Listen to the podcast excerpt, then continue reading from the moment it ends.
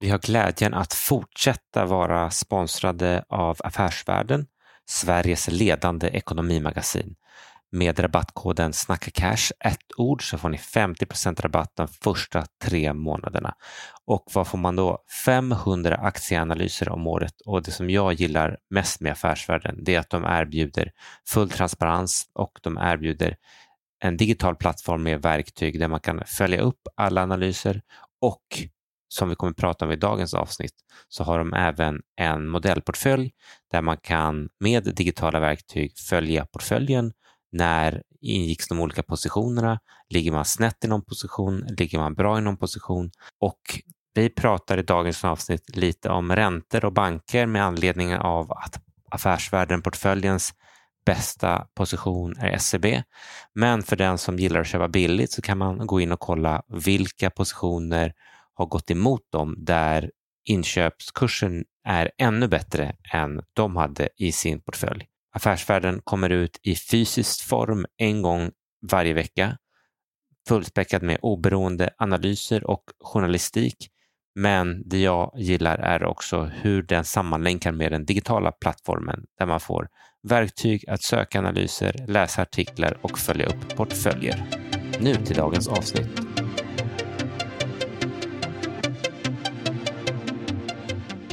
Har du gjort något halloweenigt? Eh, ja, eller jag har fixat med pumpor och, och sånt, men jag stannade hemma med bebisen eh, när tjejerna gjorde rundan i år. Okej. Vi har ju mm, sjuk halloween i vårt grannskap. Alltså det är amerikanska nivåer. Eh, eh, Har ni också det? Ja, nej, det är, det är typ större än jul alltså. Ja, det, det, det, alltså tjejerna sa det idag, att de gillade halloween mer än julen. Ja. Och sen sa jag, ni får ju presenter på julen. Och så bara, nej men vi gillar jul mer. Men det verkar vara, de, de har, det är större build-up på något sätt. Men det- vad Ja, de nej, ska men ha de på håller på sig och förbereder eh, långt eh, i förväg. Mm. Jag, eh, jag har ju inte helt hakat på jag, jag har ju liksom blivit meddragen i, i tjejernas eh, hype, men vi har inte liksom vi pimpar inte huset så, så himla mycket. Mm. Det, är lite interiör, det är lite interiörgrejer. Inte utanpå så himla mycket, utan det är bara några pumpor Mm. em, som vi har lite så här pysselstund med varandra. Men jag tänkte i år, efter halloween, tänkte jag fynda och köpa de riktigt feta grejerna. Eh, billigt liksom, för att förbereda Ja, men för vi, nästa år. Vi, vi, jag lägger på någonting varje år. Så det blir Ja. större och större. Ja. Nej, men jag har tänkt på det här med, det finns ju så olika sätt, eh, sätt att beräkna, men det här med ökad ekonomisk aktivitet vid högtider. Mm. Det är en standarddiskussion varje jul då Svensk Handel släpper sin prognos över hur stor julhandeln kommer att vara. Mm. Och Det är alltid en större siffra än vad det var året innan. Mhm. Och Då svarar eh, typ alla, all, all vänster och kulturkoftor med att eh, ti- titta vad fruktansvärt det här konsumentsamhället är. Mm. Och så svarar Timbro med att så här många jobb och så här mycket skatt och så här mycket tillväxt får vi av julhandeln. Mm. Och sen någonstans en månad efter diskussionen dyker upp någon professor som förklarar att är det bara uppskjuten konsumtion eller tidigare lagd konsumtion? Egentligen spelar det ingen roll. Mm. Men just det här med att vissa seder påverkar ekonomisk aktivitet tycker Mm. jag är lite intressant. Mm. Ehm, och, och hur det påverkar oss som ekonomiska varelser. Till exempel alltså under motsvarande i muslimska länder är ju Eid eh, efter Ramadan Mhm. då man köper presenter till barn och, och sånt. I Iran är det persisk nyår. Mm. Ehm, och, men där är det ju lite olika traditioner. I persisk nyår till exempel, då köper man inte presenter. Mm. Då är eh, sättet man firar, då, köper man kanske lite mer mat och, och sådana grejer, men det man främst gör är att man ger bort pengar. Mm. Så det du gör är att du ger barn pengar. Det är Mm. De som är yngre än dig ska du ju konstant ge pengar. Och Då det, det borde ju förändra konsumtionsmönster. Liksom, det borde ju öka godis och annat skräp. Liksom, borde ju öka. Eh, för de bränner ju de där pengarna förmodligen ganska direkt. Eh, men eh, finns det en annan, det var skitsmart, där de hade försökt liksom, gå tillbaka och sett ja, folk som är födda under, så här, folk vars föräldrar har, varit gravida eller vars mor har varit gravida under Ramadan Mhm. versus de som inte har varit det under Ramadan. Mm. Eh, I och med att Ramadan flyttar på sig varje månad så får du en Mm. perfekt kontrollgrupp varje år. Mm. För då roterar det. Och det de såg är att de barn vars föräldrar inte är gravida alltså under Ramadan, de, när liksom graviditeten fa- faller inte under Ramadan. De har 5% högre produktivitet genom hela livet än den gruppen vars föräldrar så, som, som var foster under Ramadan. Vänta, att de som var i mammas mage under Ramadan har... Ja, de har 5% lägre produktivitet genom Okej. hela livet. Hur fan mäter man det egentligen? Men, men det finns ju... Ja, det de finns ju tittar på livsinkomster, de, de hittar alltså across the board, lägre betyg, lägre livsinkomster, lägre allting. Men det finns ju en, det finns ju en, finns en studie som bygger på, för Sverige har typ en av så världens äldsta kyrkoböcker. Mm. Eh, det här är ju totalt sidetrack, men det finns ju någon studie som dock visar på att i viss, om, om du upplevde svält under, Mm. så här, jag kommer inte ihåg, så här, typ mellan att du var så här fem och tio, Mm. då, liksom, då, då förlängdes din, alltså då hade du extremt mycket bättre hälsomarkörer. Va? Ja, att, att eh, svält under en specifik period i livet gjorde att liksom, eh, det blev mycket bättre. Eh, med, För med jag vet att svält, Mm. det, är ju, det har ju påvisat svält eh, under eh, sm, de små åren. Mm. Vet jag att det är typ så här, det är typ så här 10 punkter på IQ. Alltså det, är Mm. typ, det är det och sen är det typ våld som Mm. är de två enskilda stö, största faktorerna för minskat IQ. Liksom. Men, men nu är vi ju verkligen utanför Nu, utanför den ekonomiska boxen. Däremot fin, det, jag bara satt och funderade på hur stort är halloween nu för tiden? Det är värt att börja, för svensk handel att börja, börja gräva i. För de publicerar ju julsiffrorna, Mm. men jag skulle vilja veta eh, hur stort har halloween blivit? Alltså Det var helt jävla galet. Det var slut på halloween-produkter i alla våra butiker som vi har i vårt närområde. ja, nej, det är eh. pop-up-butiker, halloween och eh, de här eh, kinesiska mm, gambling, gambling crossover shopping-sajterna som Timo, de måste gå sjukt bra. ja, verkligen. Man, Men det, man, men det, man, trycker, man, man, man, trycker på, man trycker för att köpa någonting och så får man upp ett, ly- ett lyckohjul. Ja, har du, har du varit inne på den? Temu? Då är Nej, alltid 90 procent. ja, jag, jag, jag, jag, jag blev ledsen på internet när man, typ så här, man söker för att köpa en grej. Då tvingar den att ladda hem en app och så har man dra ett lyckohjul. det, det är så vi gamers känner oss när ni mobilspelstillverkare. Vi vill bara skjuta något. Och ni bara, nej, nu ska ni snurra på det här lyckohjulet och ska ni vinna den här tredje valutan här som du kan konvertera. Däremot Det- där du nämnde om jul fick mig att tänka på, eh, och det är väl snart dags, vi kan ju spekulera i årets julklapp. ja. Jag har en lista här. Det, det känns som att, det känns som att, året, det känns som att för, förut så var det faktiskt årets julklapp. Mm. Eh, jag kollar här, 89 videokamera. Ja. Eh, 92, en Nintendo 8-bitars tv-spel. Oh. Eh, Oj, alltså efter Sverige mobil, var. 94 92? mobiltelefon, 95 CD. 96, då är det en bild på ett US Robotics modem, internetpaketet. Oj, Eh, det var tidigt. Ibland är de väldigt sena, ibland väldigt tidiga. Jag menar ett 8-bitars 92, då var ju Mega Driven ute.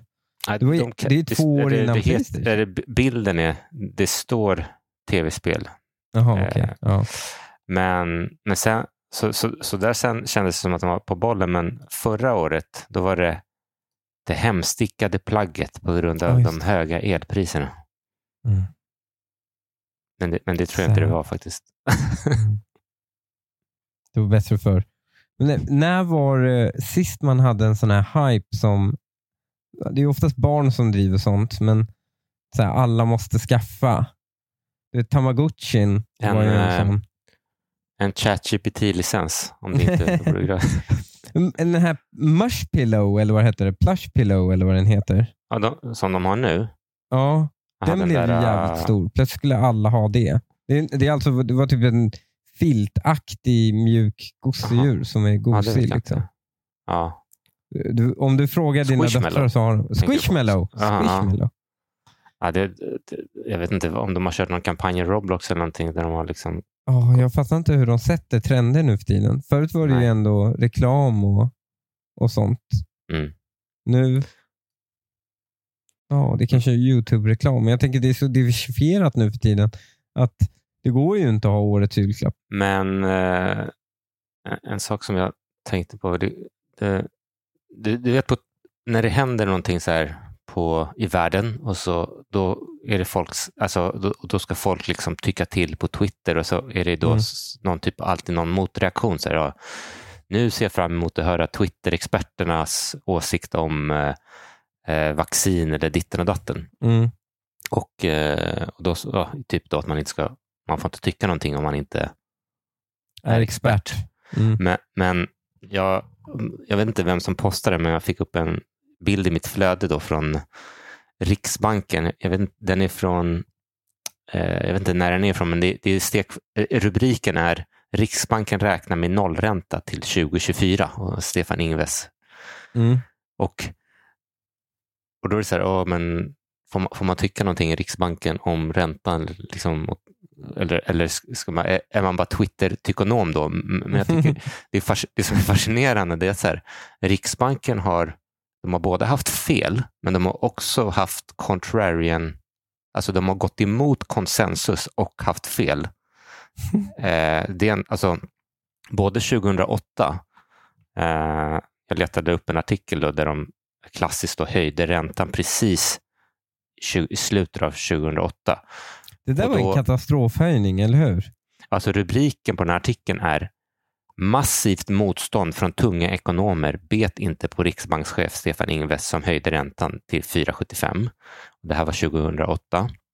Och, och då tvärtom då, eh, mass, liksom alla tyckte att nollränta var galet och att det skulle leda till inflation i framtiden. Och, och Stefan Ingves körde på ändå.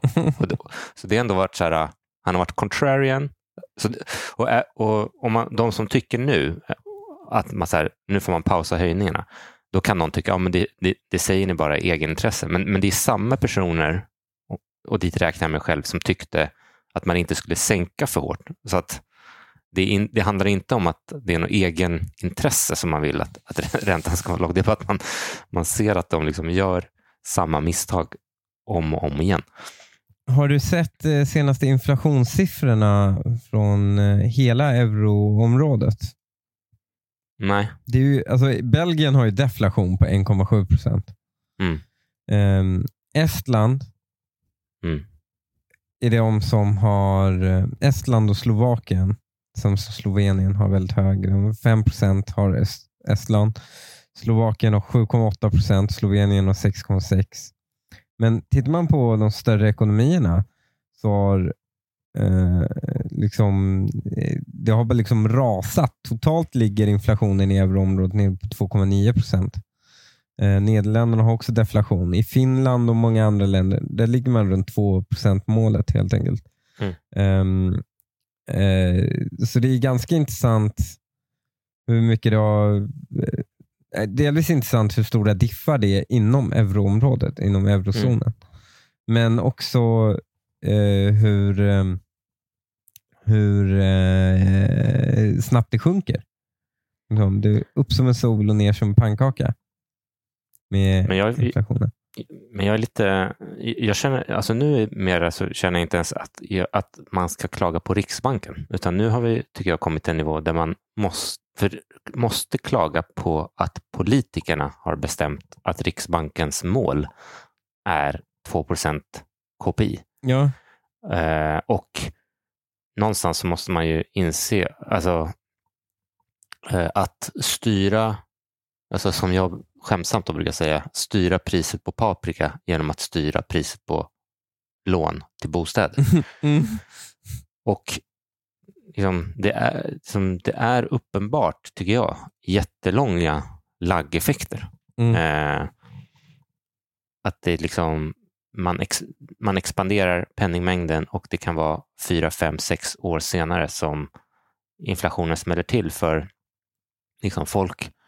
Den, här, de här ökade belåningen, den, den, den, det är nästan som så här koldioxidförvaring i bostäder. Och sen Mm. så liksom, du vet, när träd dör, då släpper de ut sin koldioxid. Och så liksom, när folk dör och folk flyttar och folk ärver, Mm. då, efter många, många, många år, börjar den här komma ut i ekonomin och då är det redan fucked, för du kan inte, då kan du inte höja räntan. Då kan du inte bromsa det, exakt. Det är redan ute. Så att det, jag, jag, jag vet inte. Jag, jag, Men vad vore ett bättre mått? alltså jag, dels tror jag att man skulle mäta på någonting som man påverkar mer direkt. Alltså att man skulle säga, vi tittar på belåningsgrad, vi tittar på penningmängd Mm. eh, och liksom ser vi att liksom, om vi ser att belåningsgraden är hög, om vi ser att bostadspriser tickar upp, då, då kommer vi bortse från att KPI tillfälligt är negativ. Mm, Det, vi, kommer mm. liksom, vi kommer fatta att det, det är inte så viktigt att, KPI, att liksom folk, får li, folk kan köpa lite mer för sin lön i, i, i något år. Eh, för vi vet att liksom ske- skenande bostad, det är inte, det är inte värt att, att öka folks belåning bara så att de ska kunna handla mindre för Det, samma det, lön. det är ju ganska intressant. Vänstern har ju haft väldigt stark kritik mot 2% målet. De vill Mm. väl, eh, deras mål är väl att höja det målet. De vill ju ha högre inflation. Mm. Ehm, eh, men de måste väl varit nöjda då ganska många år nu när det har varit minusränta. För jag menar, de, Alltså, de, allt det där är så snurrigt också för att det sättet man motiverar hög inflation, det är att, att vi måste sänka folks löner i smyg. ja, Och om vi, för att folk då har en mental barriär mot ett nominellt sänka sin lön, mm, alltså måste vi inflatera bort den för att liksom, vissa borde få sänkt lön. Men men, här- men vänstern resonerar ju att eh, vi kommer alltid ha fackföreningar som trycker upp lönerna i takt med inflationen. ja, Och då kan de också vara hjältar för de levererar högre och högre löner hela tiden.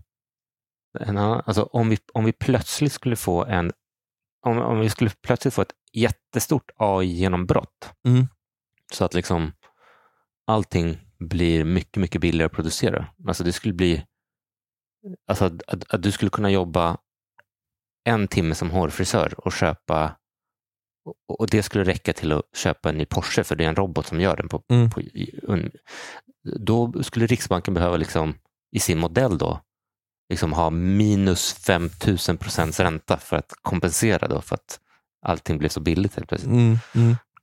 Att liksom, Frågan är hur Jag tycker- Riksbanken då hade agerat under den industriella revolutionen där mycket blev billigare. Då hade de ju behövt bara kasta pengar på folk. När, Nej, men när en jag- kostym plötsligt inte, kost, det inte behöver vara så här 14 skräddare som håller på med den. Ja. riktigt, riktigt, riktigt snillen spekulerar. Nej, men liksom, ha- hade Sverige gått åt helvete om vi hade haft 3% ränta istället för minusränta under en period där bostadspriser gick upp, Eh, nej, förmodligen Ja. inte. Förmodligen hade det haft en ganska sund påverkan på just bostadspriserna. Men Mm. det var ju en ganska, det var ju en ganska expansiv, alltså vi har haft en befolkningstillväxt också som det nog varit påverkad, på, påverkat eh, bostadspriserna en del i alla fall. Ja, det är alltid svårt att strippa ut liksom efter, det är Mm. klart, efterfrågekomponenten och räntekomponenten. Men jag tror att om, liksom, det, borde, det borde finnas någon underliggande målsättning också om att försöka att inte ändra räntan för ofta för att det skapar sjuka signaler och problem runt om i ekonomin Mm. det, det, det skapar instabilitet. Ja, hur som helst. Eh, vi får se om de kommer... Eh, om, om, om de fortsätter höja här så ligger i varje fall i korten att det kommer bli någon panik. Det kommer finnas en panik-switch då. Eh, i, i sista sekunden. Istället för att nu vänta in, liksom, vad fan är det som händer? Vi, vi, vi ser, vi ser att penningmängden, alltså mätt som klass, M2, M3, den är ju liksom på väg ner. Alltså, mm, inte mm. sett så stora nedgångar på flera decennier i penningmängden. Att, att det inte, liksom, vad mer kan man förvänta sig av dem att göra? Det är ju det enda de kan göra, minska penningmängden. Eh, men en annan, eh, jag har fått många, eller inte många, men några, jag vet inte vad man ska kalla det, påhopp Jaha. kring Interlego. Eh, de har ju släppt någon kvartalsrapport där det ser enligt de siffrorna faktiskt ut som att de mm. liksom, tjänar pengar. Eh, att det går bättre än vad man hade trott. Nu är kvartalsrapporter inte reviderade och eh, det har ju liksom funnits eh, mer komplexa eh, sätt att eh, strukturera eh, om intäkter så att det ser ut som att man tjänar pengar än det här. Men absolut ska jag säga, om det visar sig att det kommer gå skitbra för det här bolaget så jag vet inte om jag ska be om ursäkt för jag tycker inte jag har sagt någonting som är felaktigt men det, det, det, det är nästan så att jag tänkte så här, kan man göra en omvänd pump and dump. Liksom. Alltså, du har ett skitbra bolag, men du gör allt som gör att det sänka priset och sen köpa. eh, ja, men för att liksom, ja. ja. men du stärker styrelsen med folk som har liksom åkt på insiderhandel, du skickar skitkonstiga pressreleaser, du håller så här, ja, men allting som typ, alltså det är ju vdn mm. och inte Legos ledning man ska vara sur på, att de har liksom checkboxat varenda red flag i boken. Eh, sen om de vänder runt det här på något sätt, det är ju bara gratulera alla aktieägare och eh, det är fortfarande, ett, aktierna har ju inte gått upp mm. så jättemycket så det är, jätte, det är bara in och tanka. Liksom. Men det är fortfarande så att eh, Stuart Elson som var då, som, som visade sig hade lagt den här stora orden. Han, jag brukar roa mig med att gå in på hans Twitter för det är så roligt för att han, han twittrar då om två saker. Då och då twittrar han då om det här eh, eh, fan heter de? Radical Clean Solutions som rengör luft. Men mest twittrar han om riktigt hardcore konspirationsteorier. eh, så att eh, det är liksom samtidigt som man tycker att det är viktigt att eh, rengöra luft och så vidare så eh, tror han inte riktigt på eller jag ska gå in på hans Twitter bara för att se nu är jag inne på att det har varit eh, excess death då, eh, på grund av vaccinationer. Aha. Men du, jag tänkte dyka in på affärsvärlden igen. Ja, vi är ju sponsrade är... av affärsvärlden. Ja, precis. Om ni ännu inte har prenumererat och gör anspråk på att eh, vilja investera i aktier så gör det. Koden Snacka Cash 50% rabatt på de för, första tre månaderna på prenumerationen. Och det jag tänkte titta på lite nu bara, att de har ju den här fina affärsvärden-portföljen där de, mm. man kan säga, som ett eh, kondensat av liksom alla sina analyser de gör och eh, allt eh, tänkande de gör på kontoret så är det liksom några aktier som tar sig in i portföljen. Mm. Och eh, deras portfölj är upp 10 procent i år. Jag tror att index är väl lite, lite ner eller flattish under samma period. Och eh, det var, jag, vet inte hur, jag, jag, vet inte hur mycket du kan om fonder, men om, den här, om det här skulle vara en fond så skulle den vara det man kallar då extremt aktivt förvaltad. För det är inte så mm. att den bara har stora indexbolag. Alltså en, en pass, eller till och med en aktivt förvaltad fond brukar vara så att de följer index ganska mycket men de har lite större avvikelser från index. Mm, mm. Men den här är liksom bortom det ens. Den här, liksom, den här bryr sig inte om index. eh, och eh, Vänta, vänta, nu ska jag försöka mm. briljera. Är det vad man kallar för en hedgefond? Nej, hedgefond är liksom ett samlingsbegrepp för fonder som inte bara i, i princip allting som inte är en sorts indexfond. Mm. Eh, den klassiska hedgefonden är, var typ någon, är en fond som där den är både lång och kort och, Mm. ungef- och det långa och korta ska vara liksom ungefär balansera varandra. Eh, så att man bara ska tjäna, man, man, det ska inte spela någon roll om börsen går upp eller ner, den ska tjäna pengar ändå. Det är den klassiska Mm. hedgefonden, men man kan säga att idag så kan ju hedgefond betyda bara en fond med, oftast betyder en fond som också får blanka eller gå kort aktier. Mhm, okej. Och eh, sen då har du då passiva fonder som bara slaviskt följer ett index. De har Mm. oftast extremt låga avgifter eller till och med noll i avgift. Och sen så har du då aktiva fonder som mer eller mindre eh, avviker eh, från index. Och eh, vad som är intressant då, vilket innehav har gått bäst i Affärsvärlden-portföljen i år? De har ju, när man loggar in på deras hemsida så har de då väldigt fina verktyg. Dels, dels kan man då till, till exempel titta på vad har gått sämst eh, om man då vill leta köptillfälle där, men det får ni titta på själv. Det som har gått bäst är faktiskt SEB. Mhm. Ja, bankerna går det bra för. Eh, eller sedan inköp är det då. Så de är upp 27 procent i SEB sedan har köpt den.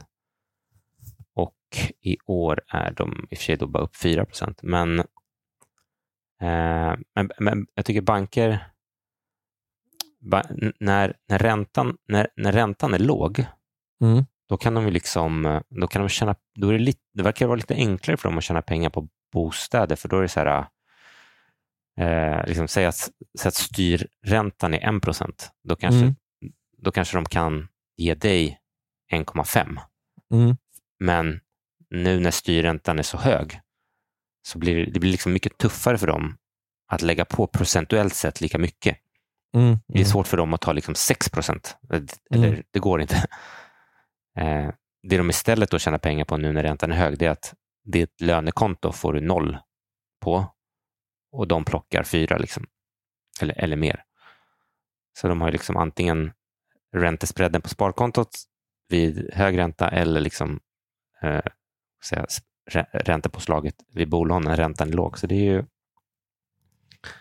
det, det är ju bra, bra modell, tjäna pengar, pengar i båda miljöerna. Sen, såklart, såklart så länge inte du har massivt med konkurser inom bostadssektorn.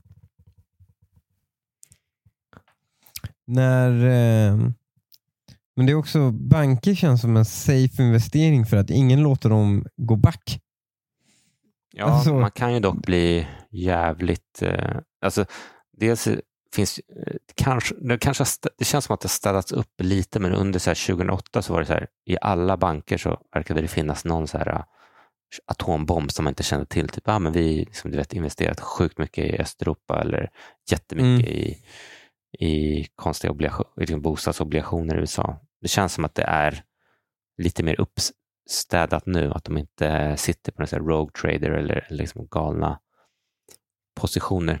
Jag läste att det var fler och fler bostadsrättsföreningar hos Kronofogden. Sen läste jag också uh, vår vän Ara Mustafa hade skrivit på Twitter att jag tror, om jag förstod det rätt så var det någon som hade tittat på en lägenhet, att köpa en lägenhet i hans bostadsrättsförening och, Mm. mä- och hade frågat mäklaren om hur det var med avgiften och mäklaren sa att, ja, men, a- att den absolut inte skulle höjas. Men jag tror Ara skrev att han satt i styrelsen och att den absolut nog skulle behöva höjas. Men det, det där är ju det där, det där är så jävla läskigt läste jag, att om, en, om din förening konkar, så oh, vet du inte jag hur svårt, hur svårt det är. Liksom, finns det kanske mycket failsafes innan man är där. Då köper någon föreningen, så du hyr nu, men du har fortfarande kvar ditt lån. Ja. Det är en så jävla Men jag undrar, hur löser man det? Din, din, ditt lån har ju bostaden som säkerhet. Och den har du blivit av med. Det är det som är så jävla... Du har blivit av med den, Ja, så blir det ett blankolån då? ja precis. Det är det som är så Men då kommer de ju ta blankoränta på det. De kommer ju inte ta en bostadsränta på det. Nej, det är det, vad som skulle, om det skulle hända i volym, då, då har du Mm. ju ett jävla problem. Ja. Tillbaks till det där med att så här, Stefan Ingves sa att räntan ska vara noll fram till 2024. Så det är liksom, folk, hå- folk, har ju rätt hån, folk har ju lätt att vara hånfulla mot folk som har hög belåning.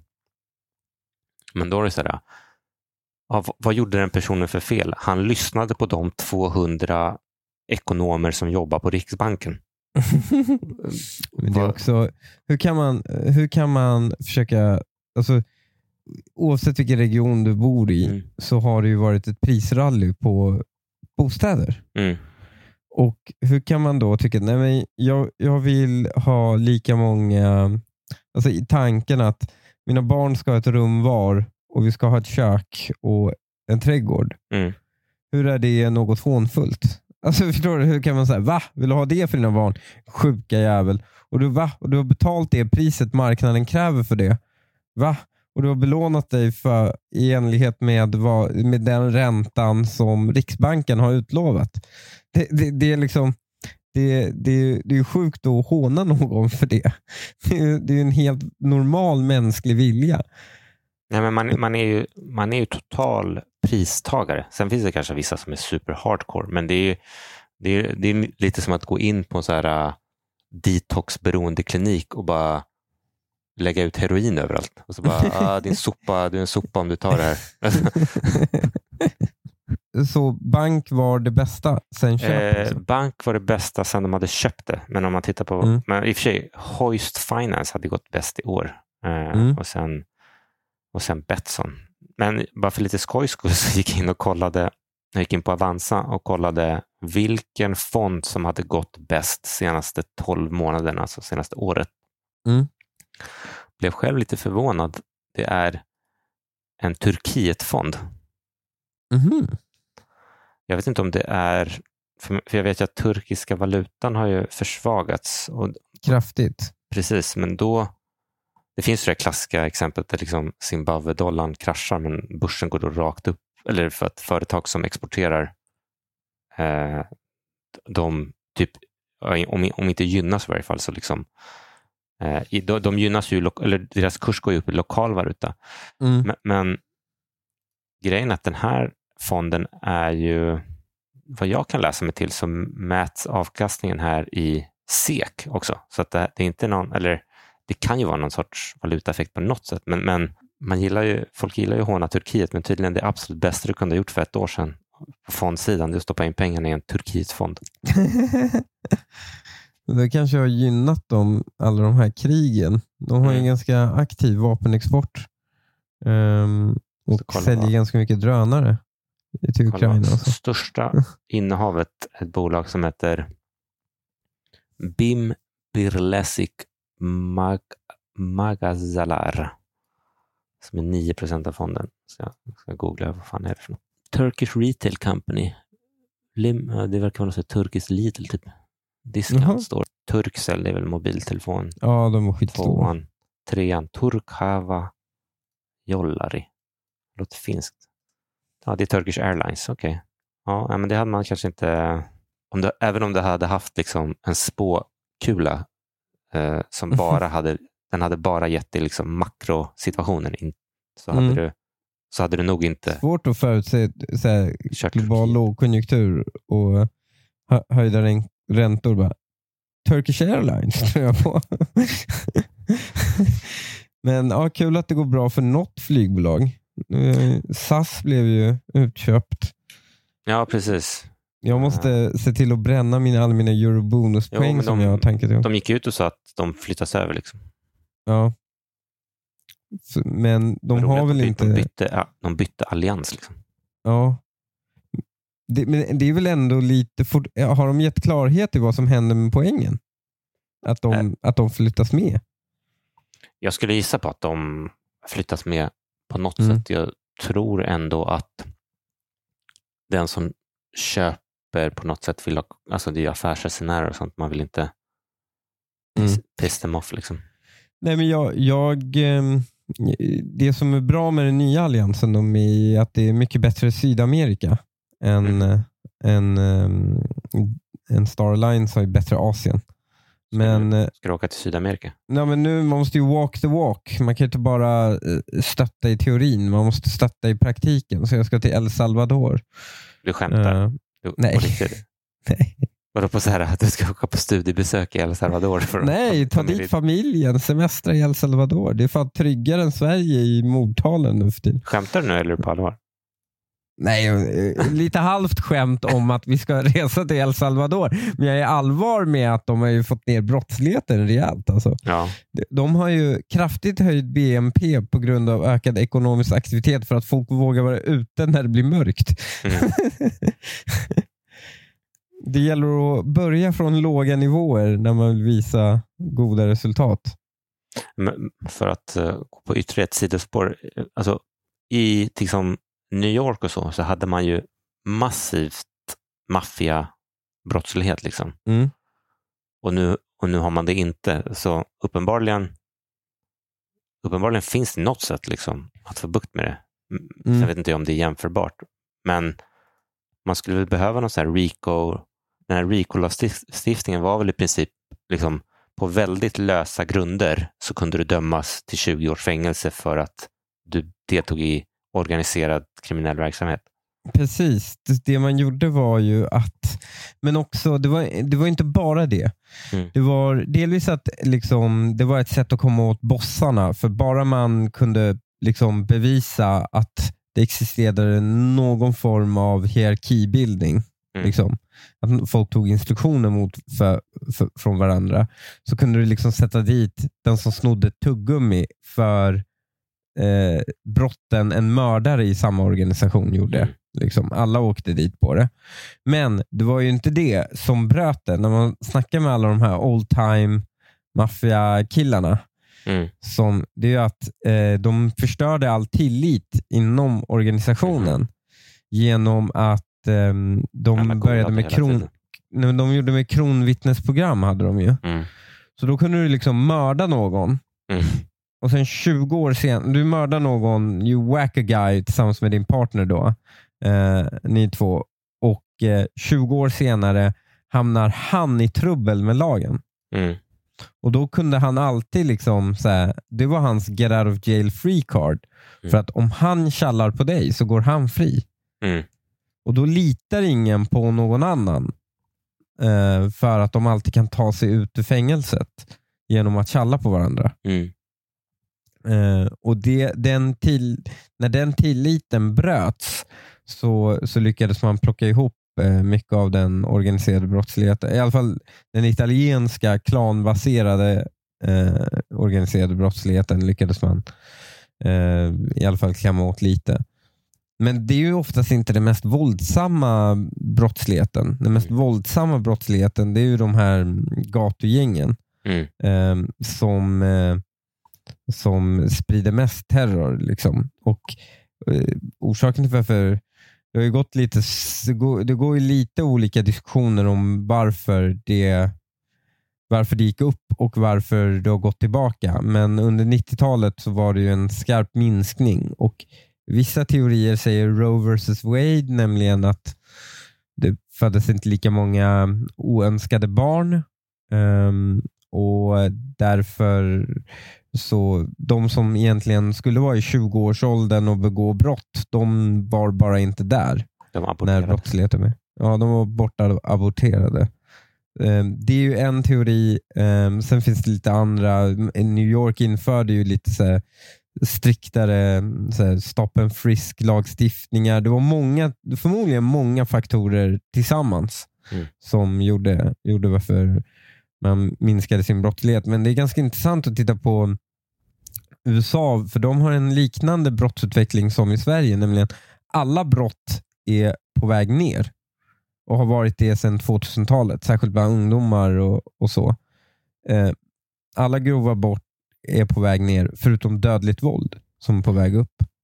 Eh, och eh, Det är ju exakt liknande trend man ser i Sverige. Alla brott är egentligen på väg ner, men, men dödligt våld är på väg upp. Det verkar vara en liten grupp människor som begår väldigt mycket och grova brott i båda länderna. Jag kommer ihåg den där äh, dokumentären om gängvåldet i Chicago där borgmästaren bestämde sig för att flytta in i det värsta project gettot Ja, ja, ja. Där polisen bygger de här, de fortifierar ju hela huset. Ja, Det här höghuset. Ja. Så här Riktigt klassiskt, eh, ja, vad fan, vad fan ska man kalla det? Pro- project. Men, och då ska Mm. han då flytta dit och visa att nej, men det är inte så farligt. Men då bygger polisen bygger så här, ah, ja, men, de bygger liksom, allting armored och det är liksom Mm. metalldörrar och ståldörrar och allting för att skydda den här borgmästaren som ska bo där i några veckor. Och sen när hon flyttar därifrån, då blir det här huset det är liksom hårdaste högkvarteret som är helt ointagbart av polisen. Polisen de inte har- själva in i ja. Men, just, men du vet att El- Salvador var ju det första landet i världen som tog in bitcoin som legal tender. ja, just Är du det. säker på att det inte är därför brottsligheten har sjunkit? det där var ju lite... Hur, hur har det gått för det där? Jag har för mig att typ så här, han köpte hela statsbudgeten i bitcoin, den här Bukele.